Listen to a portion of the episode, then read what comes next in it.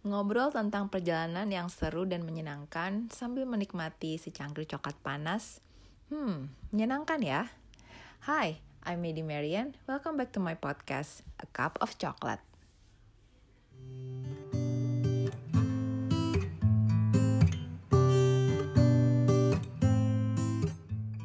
Hai teman-teman, uh, balik lagi ke podcastnya Cup of Chocolate. Kali ini another episode uh, during this uh, outbreak di bulan Juni ini. Uh, setelah kemarin kita ngobrol tentang solo traveling, kali ini aku mau pergi agak jauh nih uh, ke negara yang benua yang belum pernah uh, kesampaian didatangin. Tapi kebetulan ada teman di sana yang udah stay cukup lama dan dan bekerja di sana. So, kali ini kita akan ke Amerika. Tepatnya di mana kok kotanya? Di Houston, Texas. Di Houston, Texas. So, uh, hmm. over the phone ini gue ada teman gue. Uh, mungkin memperkenalkan diri dulu. Short introduction. Oke, okay, uh, nama saya Michael Eko. Biasa dipanggil Eko. Saya sudah tinggal di US sekitar lima tahun. Sekitar lima tahun lah sebelumnya tinggal di Kuala Lumpur mm-hmm. dan di Indonesia. Oh, gue tuh berasa lama karena lo sempat di KL dulu ya. Berapa tahun lo yeah. di KL? Di KL dua, hampir dua tahun lah, dua setengah tahun. Dua setengah Oh, iya, iya. Makanya gue berasa sih hmm. sebenarnya lo lebih dari lima tahun ya, cuma karena ada si KL itu hmm. ya. Iya. Yeah. Uh, ini boleh cerita dulu kok, awalnya lo bisa uh, landing di Houston, Texas ini gimana? Kebetulan aja sebenarnya. Kebetulan kerja di perusahaan yang tepat dan dapat kesempatan aja pas lagi ada lagi tempat ada tempat kosong di US jadi dipindah. Jadi awalnya gue kerja di Jakarta dua tahun. Mm-hmm. terus kantor ada butuh orang di Kuala Lumpur terus gue dipindah ke Kuala Lumpur dua tahun dua setengah tahun. Terus mereka lagi ada project di US dan gue dikirim ke sini itu ceritanya. Jadi sebenarnya sempat kerja di Jakarta dulu ya? Iya, kerjanya mulainya dari dari kantor Jakarta kita, sayang. Oh. Jadi nggak langsung tiba-tiba uh, apply for uh, specifically for US berarti ya? Oh, enggak enggak. Susah itu. iya, repot banget. Udah, ya, gua ngobrol-ngobrol sama teman-teman yang di sini banyak lah mereka cara mereka kerja di sini tuh repot banget. Kalau yang langsung apply di sana? Eh kalau langsung uh, nggak bi nggak bisa langsung apply, nggak bisa langsung apply. I see. Ya. Jadi kecuali rata... lu mau jadi investor uh, invest berapa ratus ribu dolar, nah itu mungkin dapat visa khusus. Oke. Okay. Jadi hmm. kalau misalnya jalurnya nggak kayak lo nih yang misalnya kerja dulu di Jakarta, tapi ke kebetulan perusahaannya ada ada kantor di Amrik gitu. Nah, kalau orang mau kerja di Amrik, then how? Oh, kalau kalau gitu bisa, kalau gitu bisa. Jadi perusahaan di Indonesia punya kantor di Amerika, nanti dia akan bikin visa kayak gue punya namanya L1 visa. Dia akan sponsorin buat kirim orang ke Amerika. Oke, okay, itu kalau status gue kayak gitu. Iya. Lo, lo ada kantor di Jakarta, tapi kalau misalnya statusnya nggak kayak lo gitu orang mau cari gue mau cari kerja di Amerika gitu. Uh, bisa kalau punya specific skills namanya H1B visa. Tapi itu pun harus ada sponsor di Amerika. Kayak Google gitu mereka mau butuh orang gitu specific skills.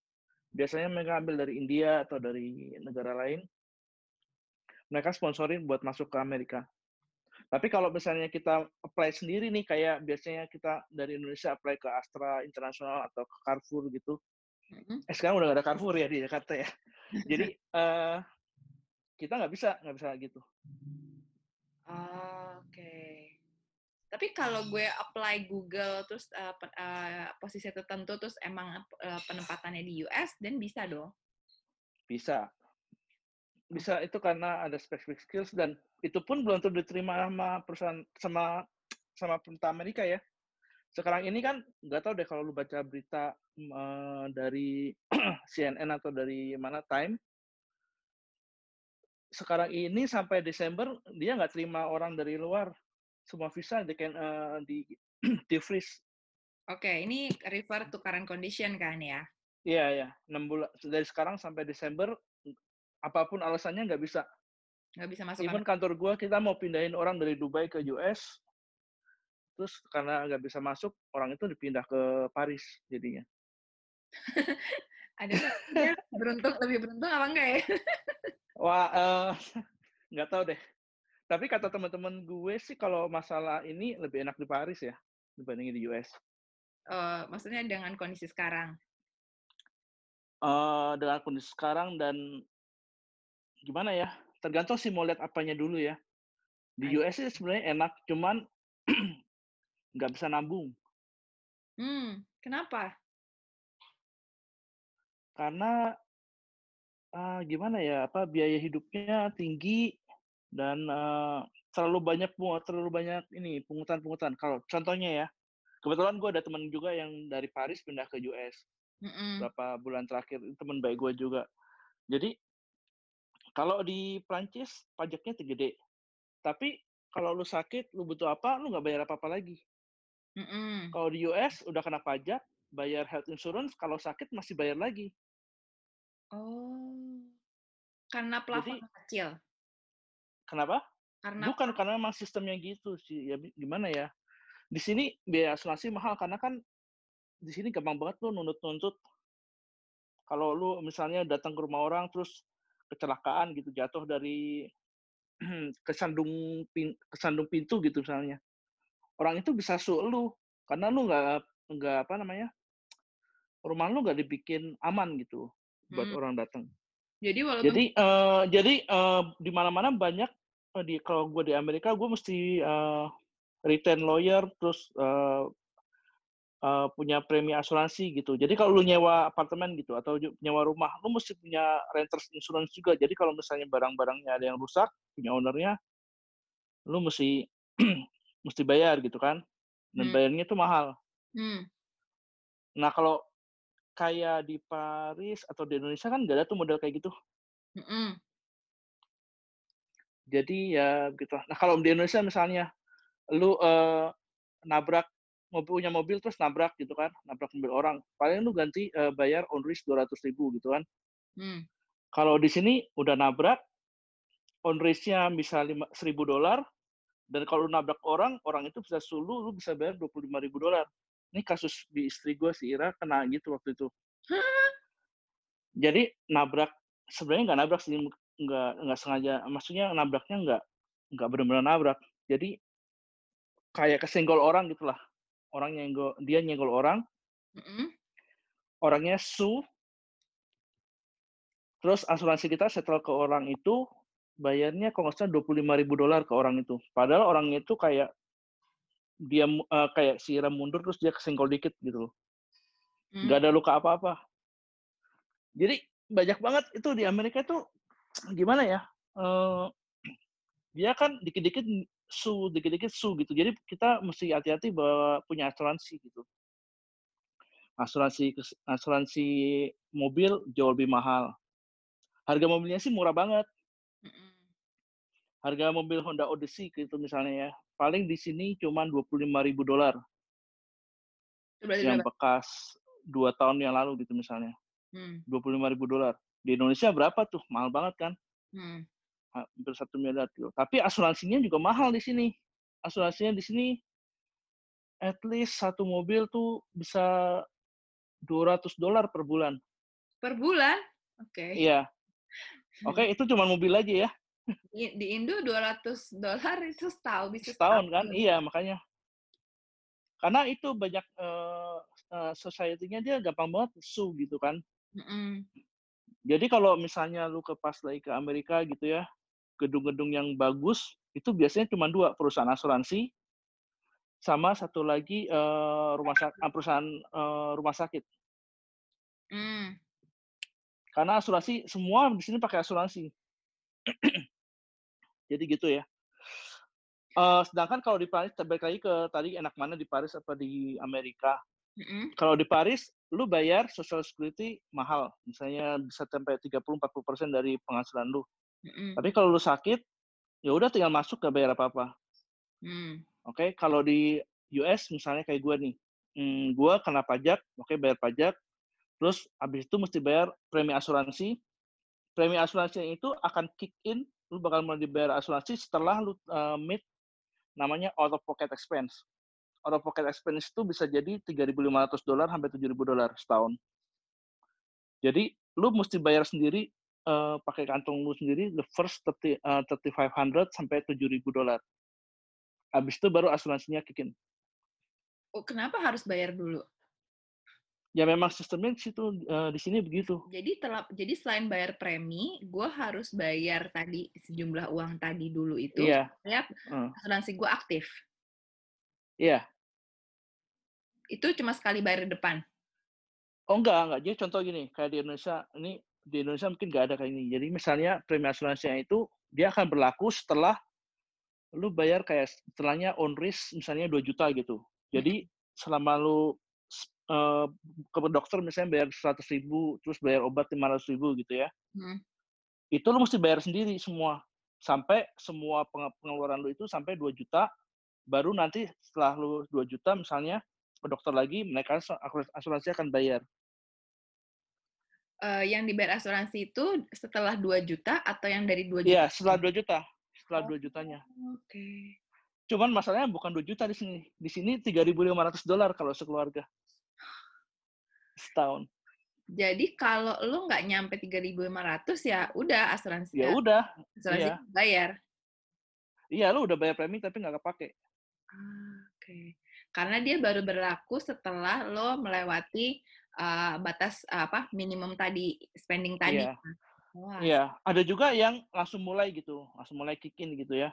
Uh-uh. Tapi premi asuransinya itu mahal banget gitu. Jadi dihitung-hitung agak lebih enak kalau kalau kita masih sehat pakai yang preminya agak lebih murah tapi kick in-nya ada setelah auto pocket expense masuk. I see. Nah, jadi itulah masalahnya apa? Bukan masalah ya. Orang yang berkunjung ke Amerika kayak bokap gua datang, adik gua datang, mereka semua bilang di sini murah-murah murah di Amerika murah. Memang murah kalau lu turis. I see. Murah banget tuh. Kalau misalnya mau belanja kayak uh, barang-barang merek, Oakley lah, Storybirds atau apa, itu jauh lebih murah di sini daripada di Amerika di Indonesia. Mm -hmm. Tapi karena mereka murah karena nggak bayar biaya kayak asuransi kesehatan gitu kan. Mm. Nah kita yang tinggal di sini kita ngalamin itu. Ini contoh kayak teman gue yang teman baik gue dari Paris pindah ke Houston ya. Dia di Paris tiga tahun, tapi tiap tahun dia selalu ke US karena emang ada bisnis trip. Mm -hmm. Tiap kali ke sini dia selalu bilang murah banget, murah banget, nggak ada yang mahal. Mm -hmm. Tapi begitu tinggal di sini, buset mahal banget ya Amerika ya lebih mahal dari Paris Gak bisa nabung iya karena emang modelnya begitu gitu I see mm -mm. jadi ya, begitulah jadi kalau boleh di di di roughly aja nih kok ya uh, hmm. dari 100% income monthly income kita uh, berapa persen yang akan udah pasti habis untuk yang kayak uh, insurance lah, pokoknya yang, yang pokok-pokok yang lo pasti nggak bisa kan kalau makan kita bisa ngontrol gitu ya Mm. Tapi kalau yang udah lo tidak bisa terhindari harus dibayar di Amerika itu berapa? Itu bisa 60 persenan lebih ya at least. Hah, 60 persen tuh udah pasti? Iya, karena lo mesti bayar mortgage, mortgage atau rental rumah atau rental apartemen, mm. kan? Mm -mm. Terus bayar asuransi. Mm -mm. Oke, okay? kalau lu nggak punya mobil pun lu bayar pakai Uber, pakai uh, Lyft itu juga nggak murah. Dihitung-hitung malah lebih murah cicilan mobil. Tapi kalau uh, kalau lu jarang-jarang kalau misalnya tinggal di downtown gitu ya nggak mungkin uh, mungkin lu nggak perlu mobil kali ya. Mm. Kalau di Houston lu butuh mobil, kalau di New York City mungkin nggak butuh. Tuh, jadi ya segitulah. Oh my god. Mahal mahal. Kalau tapi buat uh, uh, buat pengunjung murah banget. Okay. Apalagi kalau tidurnya kalau tidurnya nebeng, wah murah banget. Jadi kalau lu mau ke US, lu datang aja ke sini ya ke Houston nggak apa-apa. Uh, itu murah banget pasti siapin aja dolar buat belanja. Minimal nggak bayar hotel ya? Iya. Uh -uh. Bayar hotelnya buat uh, belanja ke factory outlet aja. Tapi kayak di Houston gitu ya, uh, apa uh, correct me if I'm wrong ya, kayak temen gue ke LA itu mau nggak mau tergantung nggak bisa tergantung sama kendaraan umum gitu, emang harus pakai mobil gitu. Kata om gue yang di LA juga gitu. Bener nggak sih? Kalau di Houston juga model gitu? Kalau nggak Eh, punya mobil, nggak punya kaki gitu loh kalau mau pergi-pergi. ya iya nggak? benar-benar karena apalagi di Houston kan eh, lumayan gede ya. Kalau lu tinggal di downtown sih mungkin nggak perlu mobil terlalu sering ya. Mm-mm, Paling dekat tinggal bisa jalan kaki gitu kan. mm-mm, Tapi kalau kayak gue tinggalnya agak di suburb di pinggiran mm-mm. itu nggak mungkin. Nggak mungkin nggak punya mobil. I see. Karena nggak bisa ada kayak, ya lo tau kan kalau kayak di, contoh kayak Paris lah, anything kan bisa pakai metro, even even di suburb-nya pun masih bisa pakai uh, uh, Iya, car di kan. di Houston nggak. Di Houston umumnya di Amerika dia eh, car society jadi nggak nggak kayak di Paris atau di Prancis yang kereta jamak banget gitu ya. Iya. So, misalnya gue mau kayak ke Houston, terus nggak ada lo gitu ya, gue gue harus sewa mobil kok. Iya, sewa mobil nggak terlalu mahal. Oh gitu. Hitungannya nggak Heeh. mahal di sana. Dia nggak terlalu mahal lah kalau lu misalnya berdua atau bertiga itu nggak terlalu mahal. Kalau sendiri ya mungkin agak mahal kali ya dihitung-hitung. Mhm. Ya, mesti pasti kan family nih. Gitu. Mm-mm, mm-mm. How about petrol?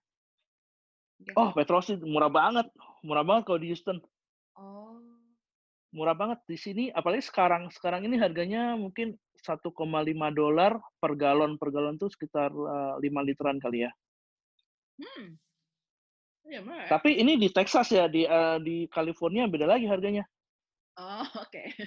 Oke, jadi karena Texas ini kan eh, kita Oil ya. eh seba- kebanyakan eh, produksi minyak di Amerika itu di Texas gitu kan. Iya, Kilang-kilang. Terus dia kalau ekspor eh, minyak, eh, kilang minyaknya deket di Texas juga. Jadi lebih murah di sini. Hmm. Eh juga makanya kantor lo di sana kan. Iya, Houston eh, oil and gas itu paling gede di Houston memang. Terus Hmm. ada teman-teman lo lagi nggak di Indo, eh, teman-teman Indo di sana yang kerja di Amerika kok?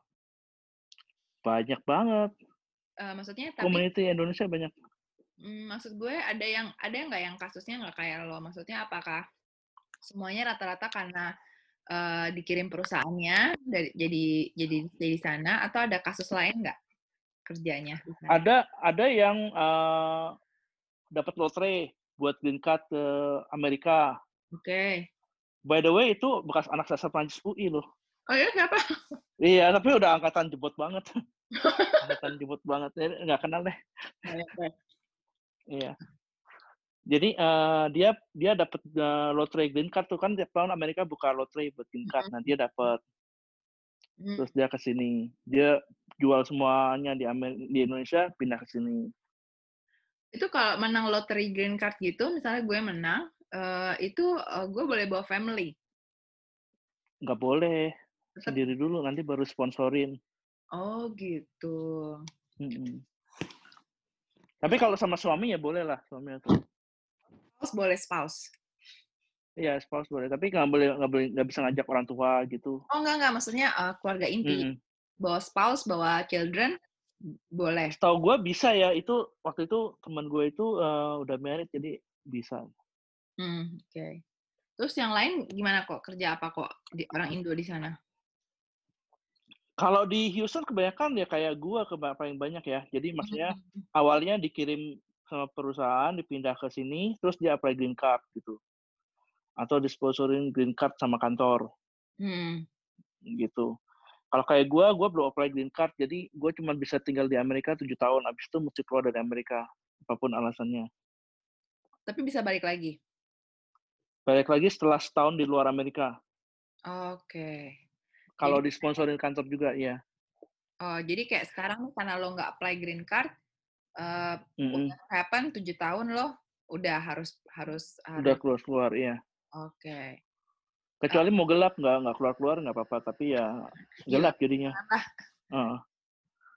Are you planning? Banyak kok yang kayak gini di sini, yang gelap gitu. Overstay. Are you planning to apply? Enggak, belum belum. Oh, Oke. Masih kepengen jalan-jalan. Iya, nggak terikat ya? Iya. Soalnya begitu dapat green card terus kita pindah misalnya pindah keluar Amerika kan tetap lapor pajaknya world- worldwide income. Oh iya iya iya, I see I see I see. Mm-mm. Ya kayak harus apa namanya em, setor muka juga ke Ameriknya kan? Iya iya ada ada periodically harus ke Amerika berapa lama. gitu. Iya ada dan with the minimum stay ya. Mm-mm. Oke. Nah, di luar Houston yang lo tahu kalau orang Indo di Amerika kerjanya apa kok?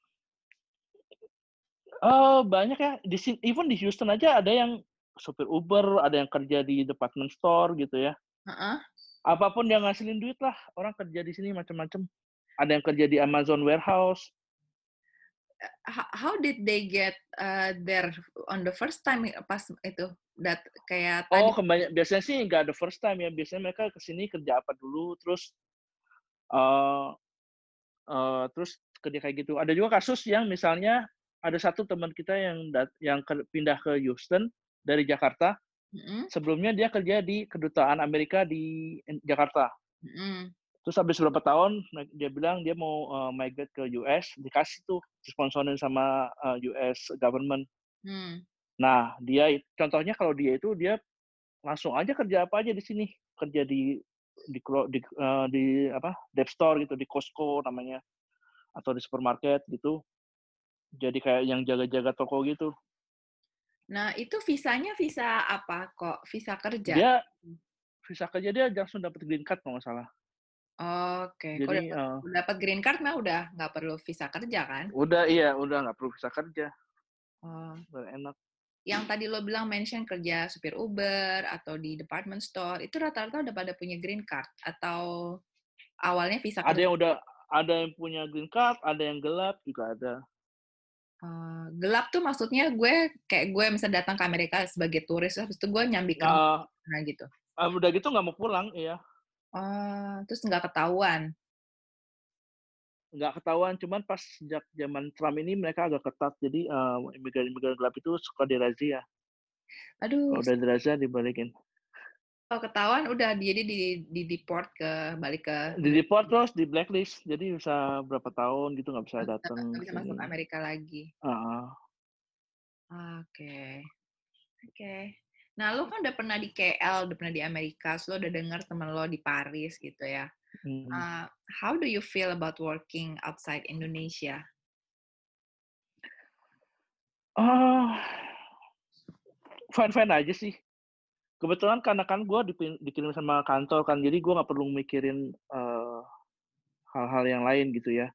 Mm-mm. Maksud gue, uh, gue datang ke ke US misalnya, ada yang bantuin ngurusin izin lah, ada Mm, yang bantuin sponsorin buat beli rumah, mm, ada yang sponsorin buat uh, mobil gitu misalnya kredit mobil gitu. mm, Jadi gampang. Tapi kalau sendiri susah loh.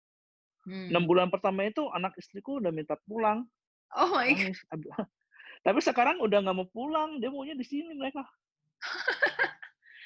Kenapa tuh kok? Kenapa? Uh, what happened? culture cu- culture-nya beda banget di antara di sini sama di KL atau di Jakarta gitu ya Ya. Challenge-nya apa? beda-beda banget Challenge-nya apa the first six months? the first six month kan kita mesti adjust Eh, pertama yang paling eh, utama itu kalau di Amerika tuh ada namanya credit score kan. Jadi eh, sama social security. Jadi kita mau ngapa-ngapain tuh pasti yang diminta social security number terus dicek eh, credit score lu. Eh habis itu baru dia akan kasih lu misalnya contohnya nih kalau lu mau pasang kabel TV atau internet gitu ya. Mm, dia pasti akan cek social security number buat ngecek credit score. Mm, oke mm, karena kita masih baru kita belum punya credit score history. Mm, mm. kita nggak bisa apply bisanya kita kan bisa di apply kalau kita kasih deposit ke mereka. Mm-mm. gitu. Apartemen juga gitu kalau misalnya dulu dulu gue pertama kali datang belum sempat beli rumah barang masih on the way dari KL ke ini ke Houston. Gue mesti nyewa mau apartemen tapi eh, karena nggak ada credit score gue mesti kasih deposit satu bulan misalnya Oke. padahal kan kalau baru datang kan kita masih butuh banyak pengeluaran kan? Mm. buat mobil lah buat apa segala macem. Nah itu satu. Terus kedua kan cuaca. Gue datang pas di Houston itu pas lagi musim dingin. Mm, dan gue belum pernah ke Amerika sama sekali kan dulu. Mm, kita semua belum pernah ke Amerika. Ya paling ke Paris lah berapa kali eh, waktu ada urusan kantor dulu. Mm. jadi kita wah masih adjust lah bingung mau ke mana mau setir nyetir modelnya dari setir kiri lagi kan Mm-mm. di KL lu masih setir kanan masih gampang Mm-mm. setir kiri nyasar-nyasar masuk uh, nyasar masuk jalur berapa kali gitu gue kan. Mm-mm. Untungnya waktu itu pas lagi Christmas jadi jalanan lagi sepi. Jadi mm. banyak hal-hal kecil yang uh, yang yang susah, mana masuknya susah karena kita nggak tahu dan nggak biasa kan. Mm. Gitu. Jadi uh, itu yang bikin stres. Belum lagi kan anak-anak udah mesti langsung sekolah waktu itu kan. Datangnya waktu itu kita bulan uh, Desember, liburan cuma seminggu. Masih jet lag, musim dingin, udah udah mesti adjust sama temen-temennya segala macam. Itu udah enam bulan ya udah mereka udah biasa, udah nggak mau pulang, udah kenal temen-temennya gitu kan. Mm-hmm. Dan di sini kalau mau cari makanan Indonesia lebih gampang daripada di KL. Oh. vari, uh, Indomie itu Indomie rasa apa aja di sini ada. Di, di KL cuma ada beberapa model gitu kan. Uh-uh. Di sini semua model di Indonesia di sini selalu ada, ada juga.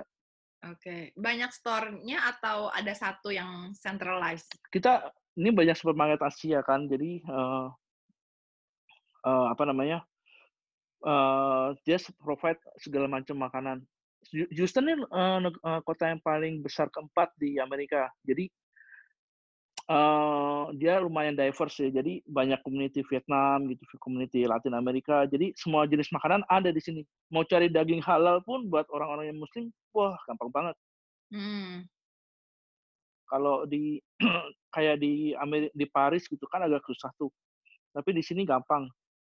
Karena banyak community dari Arab juga, community Afrika yang Muslim juga banyak. Ya minimal gitu, kan. Paris uh, lo harus nanya lah gitu kan ya. Iya. Di sana berarti Di sini ya namanya tempe, empe-empe, risol, martabak telur ada semua. Rasanya gimana? Asal mau bayar aja harganya agak mahal iya.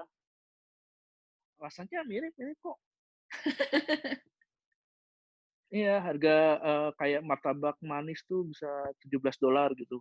Hmm, hmm, hmm, Satu biji. Belum termasuk ongkos kirim kalau daily uh, apa uh, banyakan uh, masak dong berarti di rumah? Uh, ya kalau gue sih kebanyakan masak karena gue nggak terlalu suka sandwich kan. Maksudnya boleh lah makan sandwich tapi kalau tiap hari makan sandwich makan burger enak juga lah namanya juga lidah Indonesia ya. Jadi uh, kita combine masak sama ini dan juga nggak murah juga kalau beli terus. Iyalah pasti. Terus kecuali makan di McDonald terus ya murah. tapi kan nggak sehat. For for commute gimana? Uh, maksudnya lo pasti pakai mobil ke kantor, anak-anak sekolah? Iya, karena di sini uh, mesti pakai mobil kita sampai punya dua mobil biasanya uh, karena anak-anak uh, sekolah dan gue ke kantor kan. Mm -hmm. uh, dan untungnya kantor gue sama sekolah sama rumah nggak terlalu jauh. Emang kita carinya nggak terlalu jauh sih. Hmm, jadi saat. Nah, yang enaknya dari ya dari Houston dibanding Jakarta yaitu macetnya hampir tidak ada di sini. Jadi benar-benar quality, quality of life-nya bagus. I see. Dan hmm. jadi uh, faktor terbesar lo kalau apa ya uh, push factor lo kalau misalnya lo mau stay di sana tuh apa sih? Tuh, kok selain tadi udah uh, mungkin ya terus macet apa eh, enggak macet hmm. maksudnya di di sana tuh maksudnya di Amerika apa di luar Indonesia? Di Amerika maksudnya. Kalau di Amerika yang satu faktor yang akan gue pertimbangin apakah gue akan green card atau enggak itu cuman sekolah anak gue. Karena di sini kalau kuliah itu kan gak murah. Hmm. Kalau lu uh, penduduk di sini harganya tuh jauh lebih murah daripada international student. Hmm. Oke, okay, di sini kalau University of Texas Austin atau Texas A&M lumayan bagus itu state university kan. Mm-hmm. Paling setahun bayarnya 16 ribu dolar gitu. Mm-hmm. Tapi kalau uh, out of state mungkin tiga kalinya. Wow. Oke. Okay? Jadi kalau jadi residence lebih murah gitu kan jadi residennya uh, Texas. Hmm. Jadi itu itu doang yang jadi gue pikirin sih. Kalau yang lain sih nggak terlalu lah. Kalau dibanding di KL sama di Houston, gue malah mungkin minta ditempatin di KL kali. Oh gitu. Karena ya lebih dekat kembali ke Indo juga gitu ya? Lebih dekat ke Indo dan lebih bisa nabung ya. Hmm, I see. Nah, kalau lo kan masih ada dua tahun lagi. By the time dua tahun lagi, anak lo udah beneran masuk kuliah? Uh, hampir, hampir, hampir mau kuliah. Hampir mau kuliah. Tapi uh -uh. Uh, tapi kalau misalnya, uh, berarti ekspektasi lo kalau lo apply green card ya lo masih akan terus di perusahaan yang sekarang dong gitu ya? Hmm. Iya, gue akan apply green card kalau disponsorin sama perusahaan. Gue nggak mau bayar sendiri. Iya, iya. Karena karakteristik kantor gue suka mindahin-mindahin orang seenaknya. Hmm. Ntar gue udah apply green card, bayar kan nggak murah bayar green card juga, mesti hire pengacara Mhm. segala. Mhm mhm Eh udah dapet terus dipindah kan nggak lucu. Hmm. Dan kalau misalnya ada Gitu. kesempatan pindah, lo mau pindah ke mana kok? Wah, kalau ini gue nggak di nggak ditanya sih, eh ditanya sih informally. Kalau ditanyain kepengen, gue pengennya sih ke Perancis ya. I see. Di Soalnya biar a biar anak istri gue bisa belajar bahasa Perancis juga. Ini contoh temen gue yang tadi yang gue ceritain yang, eee, kita yang pindah dari Paris teman baik gue ya. Kita dulu di KL bareng-bareng, gue dipindah ke Houston, dia dipindah ke Paris. Mhm, Terus habis dari Paris dia pindah ke Houston. mhm. 2 tahun di Paris, istrinya, eee, lebih jago ngomong bahasa Perancis daripada gue. Wow. Iya, karena karena kebetulan di kantor gue kalau lu pindah ke Paris, eee, biaya belajar bahasa Perancisnya ditanggung kantor juga kan. Jadi anak-anaknya ya juga anak-anaknya juga. Jadi jadi, Tapi, eee eee oh dia belum punya anak, dia baru lagi hamil sekarang ini. Oh iya. Jadi, eee eee, apa namanya, di dia belajar bahasa Perancis, jadi bener-bener dia bisa bahasa Perancis. I see. Heeh. Di Itu Eropa di. Eropa cuma Perancis Kenapa? kok kalau kantor lo, di Eropanya? Oh banyak. Kantor gue sih di seluruh dunia ada ya, even di, eee, di Irak, di Iran eh Iran nggak ada sekarang, di Irak ada, di Mmm. Angola pun ada. Tapi untuk yang gede-gede ya perusahaannya kantor-kantor yang gede tuh ada di Paris, di London, di Houston, Hmm. di The Hague. Yang buat finance ya, ada juga di Russia, Mmm. di Siberia, di Tyumen. Jadi kalau lo, eee, pilihan pindah yang besar-besar ya pilihannya itu gitu ya? Mmm, kalau boleh milih ya, tapi Iya. biasanya di sini sih nggak boleh milih. Langsung. Kalau Ini gue dari, eee, waktu gue tuh dari KL ke Houston aja cuman 2 bulan loh. Gue dikasih tahu di bulan Feb iya dikasih tahu bulan Oktober, dia bilang, "Lu pindah ke Houston." Oke, bulan Desember gue udah sampai di Houston. Ya tapi mungkin due to this pandemic mungkin, mmm, apa, perpindahan itu, eee, Enggak, iya.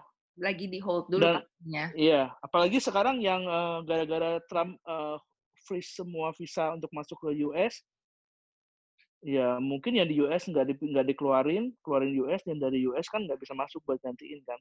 Iya, jadi ya mau nggak mau Mhm. ya, eee, Iya. as is dulu ya, at least sampai Iya. end of this year. Iya. Kalau nggak ada si Covid ini, eee, do you think, eee, working in America is a a good choice? Maksudnya a choice for everyone to consider atau gimana? Not bad juga ya, asal, eee, negara Amerika kayak di mana kayak di negara lain. Kak, negara ini kalau lu pengen, su kalau lu kerja keras, lu bisa sukses di sini gitu. Tapi aduh gimana ya, susah juga ya. Asal, eee, lu mau kerja apa aja, di sini nggak masalah. Di sini, eee, lu bisa. Kalau lu pilih-pilih ya mungkin agak susah, tapi kalau lu mau kerja apa aja, di sini kan modelnya bisa kerja jam-jaman juga. Kalau Mmm. lu tinggal datang ke ke restoran bilang kalau dia buka lowongan, datang aja ke restoran, "Gue mau kerja 4 jam di sini Mhm per hari ini," gitu misalnya. Mhm. Itu bisa gitu. Oke. Jadi kasarnya kalau mau kerja serabutan, eee, getting Mhm. away, ya lu lu bisa lu bisa stay Iya. stay and living Tapi in harus ya harus kerja keras gitu. Ya, mau Ya kerja mungkin di mana-mana juga mesti ya? gitu kali ya, heeh. Jadi maksudnya mau kerja kasar juga gitu, maksudnya yang Iya, heeh.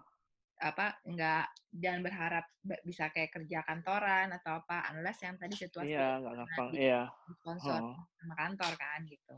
Iya. Oke. Nah, terus dengan kondisi sekarang nih, dengan kondisi sekarang, eee, mungkin lo boleh cerita boleh cerita dulu kali ya, eee, ya mungkin we already heard on on on the news, tapi sebagai lo yang tinggal di sana, itu, eee, gimana sih si, eee, Amerika during this Covid? And especially for you as a, apa ya, foreigner gitu tinggal di sana. Kalau di Houston sih, nggak terlalu misalnya kalau di Ameri di Amerika, sejak ada Covid itu kan ada beberapa berita yang bilang kalau orang Asia agak di di didiskriminasi gitu ya. di Houston nggak terlalu berasa sih dari sejak gue di Amerika nggak pernah ada perlakuan yang diskriminatif gitu. Hmm. Karena tadi yang gue bilang itu Houston uh, terlalu diverse dibandingin uh, tempat lain. Hmm. Oke. Okay. Kalau di sininya sendiri ya sejak COVID ini kita nggak boleh keluar-keluar rumah kan. Harusnya mirip-mirip di Jakarta lah sebenarnya. Tapi Hmm. sejak berapa bu sejak uh, akhir Mei itu udah mulai dibuka dan efeknya kasusnya jadi makin banyak, ya kan? Mm-mm. Kalau lu lihat berita. Nah Hmm. sekarang mulai agak ditutup lagi yang di Texas apalagi. Ditutup laginya gimana? tuh? Jadi uh, awalnya kan gubernurnya bilang uh, waktu mulai dibuka pertama restoran cuma boleh terima kapasitas 25 persen, terus naik tujuh uh, 50 persen, terus naik 75. Nah sekarang dari 75 diturunin lagi jadi 50 persen. Terus rumah sakit cuma terima uh, emergency aja, nggak Hmm. terima operasi. Misalnya mau operasi operasi plastik gitu, apa operasi uh, gigi itu nggak diterima, nggak boleh lagi di Houston. Hmm. Semua buat uh, apa namanya COVID uh, ini treatment. Kalau operasi Ka- lain yang urgent tapi bukan COVID, Kalau urgent life saving iya, tapi kalau urgent tapi uh, bisa ditunda, kayak misalnya kayak tadi operasi plastik gitu atau operasi mata yang nggak terlalu penting, uh, dia nggak akan terima. oke. Dokter gigi pun gitu. Jadi kalau nggak terpaksa bang, kalau nggak sakit giginya yang sampai mau pingsan gitu, itu Iya, nggak nggak usah nggak usah disuruh cek gigi dulu gitu kan? iya nggak nggak. Nah kebetulan soalnya ngala- gua ngalamin sendiri. Lagi covid covid gigi gua sakit, jadi gua terpaksa uh, telepon ke dokter buat uh, ada infeksi lah, kenapa lah nggak ngerti. Heeh. Jadi ya terpaksa datang dokternya nanya dulu, lu uh, sakit parah nggak? Gue bilang ya sakit parah. Begitu dia dia bilang langsung ya ini cuma bisa di uh, dicabut terus diimplan dia bilang gitu. Ada infeksi. Ya udah terpaksa lah. Itu dia cuma terima satu pasien di uh, tempat praktek dia. Padahal biasanya kalau gua ke sana untuk rutin satu tempat praktek dia tuh bisa terima uh, 20 orang dalam satu sekali datang. Karena gede Hmm. banget kan ada beberapa dokter gitu. Jadi itu waktu gua pas lagi covid covid gua ke dokter ya cuma tiga orang, gua, dokter gua, dokternya sama susternya. Hmm. Dan ruangannya gede banget. Oke. Segede kampus kita dulu di di UI itu loh, satu gedung satu lantai, nah itu ruangannya. Buset. Cuman kita bertiga doang. Lain Tapi yang jadi masalah orang orang Amerika tuh mirip di Indonesia tuh suka kepala batu dibilangin jangan keluar, aja keluar keluar. Makanya kasusnya naik begini jadinya. Iya kayak kemarin kita di sini yang CFD yang pada ke GBK. Iya, iya. Sama kasus Lebaran gitu kan. Nah di sini juga takutnya nih nanti 4 of July nih minggu depan itu bakal nambah lagi tuh. Hmm. Tapi eh, orang-orang di sana eh, yang foreigner gimana kok? Lebih nurut kali ya? Oh, kalau gue sih nurut ya. Karena gue nggak mau masuk rumah sakit bayarnya mahal banget. Iya iya. Ya tapi yang foreigner lain, Rata-rata eh, mereka pada nurut sih, sebagian besar sih nurut. Cuman ya ya tetap aja di mana-mana ada juga yang kepala batu lah ya. hmm, hmm. Oke. Nah tadi lu udah bilang kan eh, COVID-nya eh, terus pemerintah Amerika eh, nggak terima orang luar sampai eh, De- Desember nanti. Desember. Desember Mm-mm. nanti gitu. Dan lo kemarin minggu lalu sempat mention ke gue kan about job security ya nggak sih di sana Mm-mm. kondisi saat ini. Iya. Itu jadinya at least lo safe at least sampai akhir tahun pengaruh nggak sih atau gimana? Karena kebetulan gue kerja di oil and gas company, eh kita kena dua masalah kan. Pertama harga minyak turun, produk eh, apa? Sebelum COVID pun harga minyak udah turun kan waktu Rusia sama Arab Saudi mau perbanyak produksi. Habis gitu ditambah COVID, jadi konsumsi bensin jadi lebih turun, konsumsi minyak. Jadi kalau, kalau di Houston ini overall eh, secara industri tuh dia akan kurangin 40% karyawan. Oke. Oke. Jadi nggak ada orang yang selamat. Maksudnya nggak ada yang nggak bisa garansi lu selamat atau enggak. Mm. Maksudnya nggak kena potong gitu. Gue ada kejadian teman gue datang ke ke sini dari KL juga orang uh, New Zealand mm-hmm.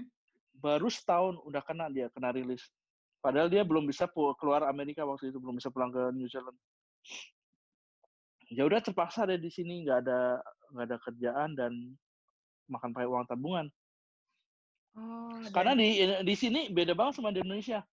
Di sini uh, yang nama ada ada prinsip namanya employment at will. Jadi uh, lu boleh berhenti kapan aja dan perusahaan bisa terminate lu kapan aja. I see. Nah, kalau di Indonesia kan kadang-kadang, oke okay, lu resign tapi lu ada kasih waktu satu bulan lagi, satu bulan dulu gitu kan. Atau dua bulan gitu kan kadang-kadang. Kalau di sini enggak, kalau lu mau resign ya hari ini juga bisa langsung resign. Oh, enggak harus Dan perusahaan enggak, enggak berhak nahan lu. Dan kantor pun begitu. Dan di Indonesia masih mending ada pesangon yang uh, Undang-Undang 13 itu kan kalau kerja setahun ada tiga tahun pesangonnya berapa gitu kan. Mm-hmm. Kalau di sini pesangonnya kalau lo seniority misalnya tiga tahun, pesangon lo cuma tiga bu, uh, satu setengah bulan gaji. Mm. Kalau lo kerja 20 tahun maksimal 12 bulan gaji. Itu di kantor gua yang sudah termasuk bagus. Oke. Okay. Dibandingin di kantor lain itu mungkin setengahnya dari yang dapat kantor gue. Uh, Kenapa? Teman lo itu yang nggak belum bisa balik ke New Zealand karena New Zealand nggak bisa nggak terima itu kan, iya. Dari luar. Dan, Dan belum ada sana, flight, nggak ada flight. Di sana bisa bisa kerja, bisa apply kerja nggak? Nah itu jeleknya visa yang kayak gue tuh. Itu uh, tight banget sama uh, employment, jadi nggak bisa kerja di perusahaan lain gue. Unless kerjaan yang kayak tadi tuh di department store. Kayak nggak gitu. bisa juga, nggak bisa juga. Oh my god. Nggak bisa juga. Jadi uh, ya terima nasib aja. Tinggal nunggu dia nunggu nunggu, nunggu. fight pulang ke New Zealand jadinya. Iya, iya. Eh, jadi dia beneran uh, ya harus survive sampai nggak tahu kapan itu gitu ya? Iya, iya. Nah, cuman untungnya, untungnya ya kalau kayak kayak gitu ya bukan orang dari Amerika, uh, bukan residen, uh, nggak langsung diterminate sama kantor gue. Jadi ceritanya dianggapnya sebagai unpaid leave. Jadi insurance coverage-nya masih berlaku. Oke, okay. cuma soalnya insurance coverage di sini based on employment soalnya. Oke. Okay. Cuma yang nggak di yang dia nggak terima itu adalah monthly monthly salary-nya. Iya, iya. Oke. Okay. Dan dia uh, uh, terima nggak ya? Gue nggak tahu sih. Uh, ada namanya unemployment benefit kan gara-gara COVID ini. Jadi Trump bagi-bagi duit buat orang yang yang unemployed gitu eh, seribu dua ratus per orang. Kalau dia uh, apa namanya nggak uh, kerja gara-gara COVID. Kalau orang kayak gue nggak dapet, orang Amerika yang dapet. Iya, that's why mungkin jadi dia nggak dapet juga dong ya? Nggak dapet juga ya. Jadi ya kita cuma ngandelin tabungan kita aja. Sementara kata lo susah nabung di sana. Iya, makanya tabungan kita yang sejak kita di di KL atau di mana gitu ya sedikit demi sedikit akan akan terkikis kalau misalnya enggak ini. Dan ada family lagi. Iya, ada family. Aduh. Tapi ya itu sebenarnya konsekuensi sih kalau kayak uh, gue sama temen gue itu kan dapat tambahan allowance gitu ya dibandingin orang lokal. Mm-hmm. Jadi uh, ya gimana ya konsekuensi kalau lu dirilis ya karena lu terima penghasilan lebih gede, biasanya lu akan dirilis lebih duluan dibanding orang yang lebih murah. I see. Ya, kan? impact-nya karena lebih lebih berasa. Iya, karena kayak kayak gue gini sekolah biar uh, kalau gue mau ke private school dibayarin kantor kan, mm-hmm. dengan orang lokal kan enggak. Mm. Jadi kos gue itu lebih mahal daripada kos misalnya orang yang satu sama kayak gue tapi uh, orang residen gitu. Jadi kalau mau rilis orang yang mahal dulu yang dirilis kan. Hmm. Jadi Biasanya berpotensi. Gitu. Jadi yang ekspat-ekspat ini di sana berpotensi untuk lebih dirilis duluan daripada yang lokal. Iya, ini nggak cuma kantor gue di semua industri, semua perusahaan di sini begitu, banyak kan. Ya normal sih logikanya yang mahal dulu yang dirilis kan. Iya, sama lah, sama juga kan kayak perusahaan di sini juga kalau misalnya itu iya. dibalikin aja dulu orang-orang ekspatnya gitu kan. Iya, uh -uh. Ya, akan lebih. And by the way, um, gimana sih uh, kalau kerja di sana uh, your uh, daily life with with colleague, especially the local ones ya. Mungkin kalau sama-sama foreigners mungkin malah lebih pengertian gitu ya. Tapi mm -hmm. kalau sama lokal gimana? Competition kah atau gimana? Wah, kalau itu nggak bisa komen. Karena di kantor gua 50 persennya bukan orang Amerika asli. Oke. Okay. Jadi nggak nggak berasa gitu. Nggak berasa kantor Amerika. Nggak gitu. bisa, ya, ya gitu, nggak berasa. Oke. Okay. Jadi nggak tahu gimana kalau the real American workers gitu ya? Iya nggak bisa. Temen gua, uh, temen gua kebetulan ada yang dari kantor uh, lain uh, new hire. Dia cerita beda banget uh, culture-nya di kantor gua ini sama di kantor dia yang lama yang purely American company. Hmm. How is it? Uh, kita lebih terbuka ya karena kan banyak uh, ini kan uh, orangnya diverse gitu ya. Jadi uh, yang namanya diskriminasi itu hampir nggak ada ya. Hmm. Uh, yang benar-benar equality ya equality benar-benar equality berdasarkan merit berdasarkan kemampuan kerja lu dan nilai. Hmm. Oke. Okay. Jadi gue nggak bisa jawab itu karena gue nggak tahu. Oke okay, oke. Okay. Jadi nggak nggak tahu gimana cara kalau eh gimana rasanya uh, working in America apa American yeah. surrounded by American people mm -hmm. tuh kurang berasa ya. Iya. Mm -hmm. yeah. Dan orang Amerika sendiri kalau misalnya uh, tadi selain masalah susuan tadi, uh, hmm. how how they uh, cope with those uh, foreigners, Ap apalagi kata lo di Houston ya, kan udah cukup hmm. diverse tuh gitu apakah orang lokalnya jadinya ketiban sama yang uh, banyak uh, pendatang-pendatang ini gitu dengan berbagai nationality atau enggak kalau di Houston gue rasa enggak ya tapi mungkin kalau di kota-kota lain sih uh, beda kali ya mereka lebih ini makanya Trump bisa menang kan tapi kalau di Houston Trump kalah loh karena Partai Demokrat yang menang ya karena itu tadi orangnya lebih diverse kan. Iya, yeah, iya. Yeah. Mayornya Houston itu dari uh, Demokrat. I see. Hmm.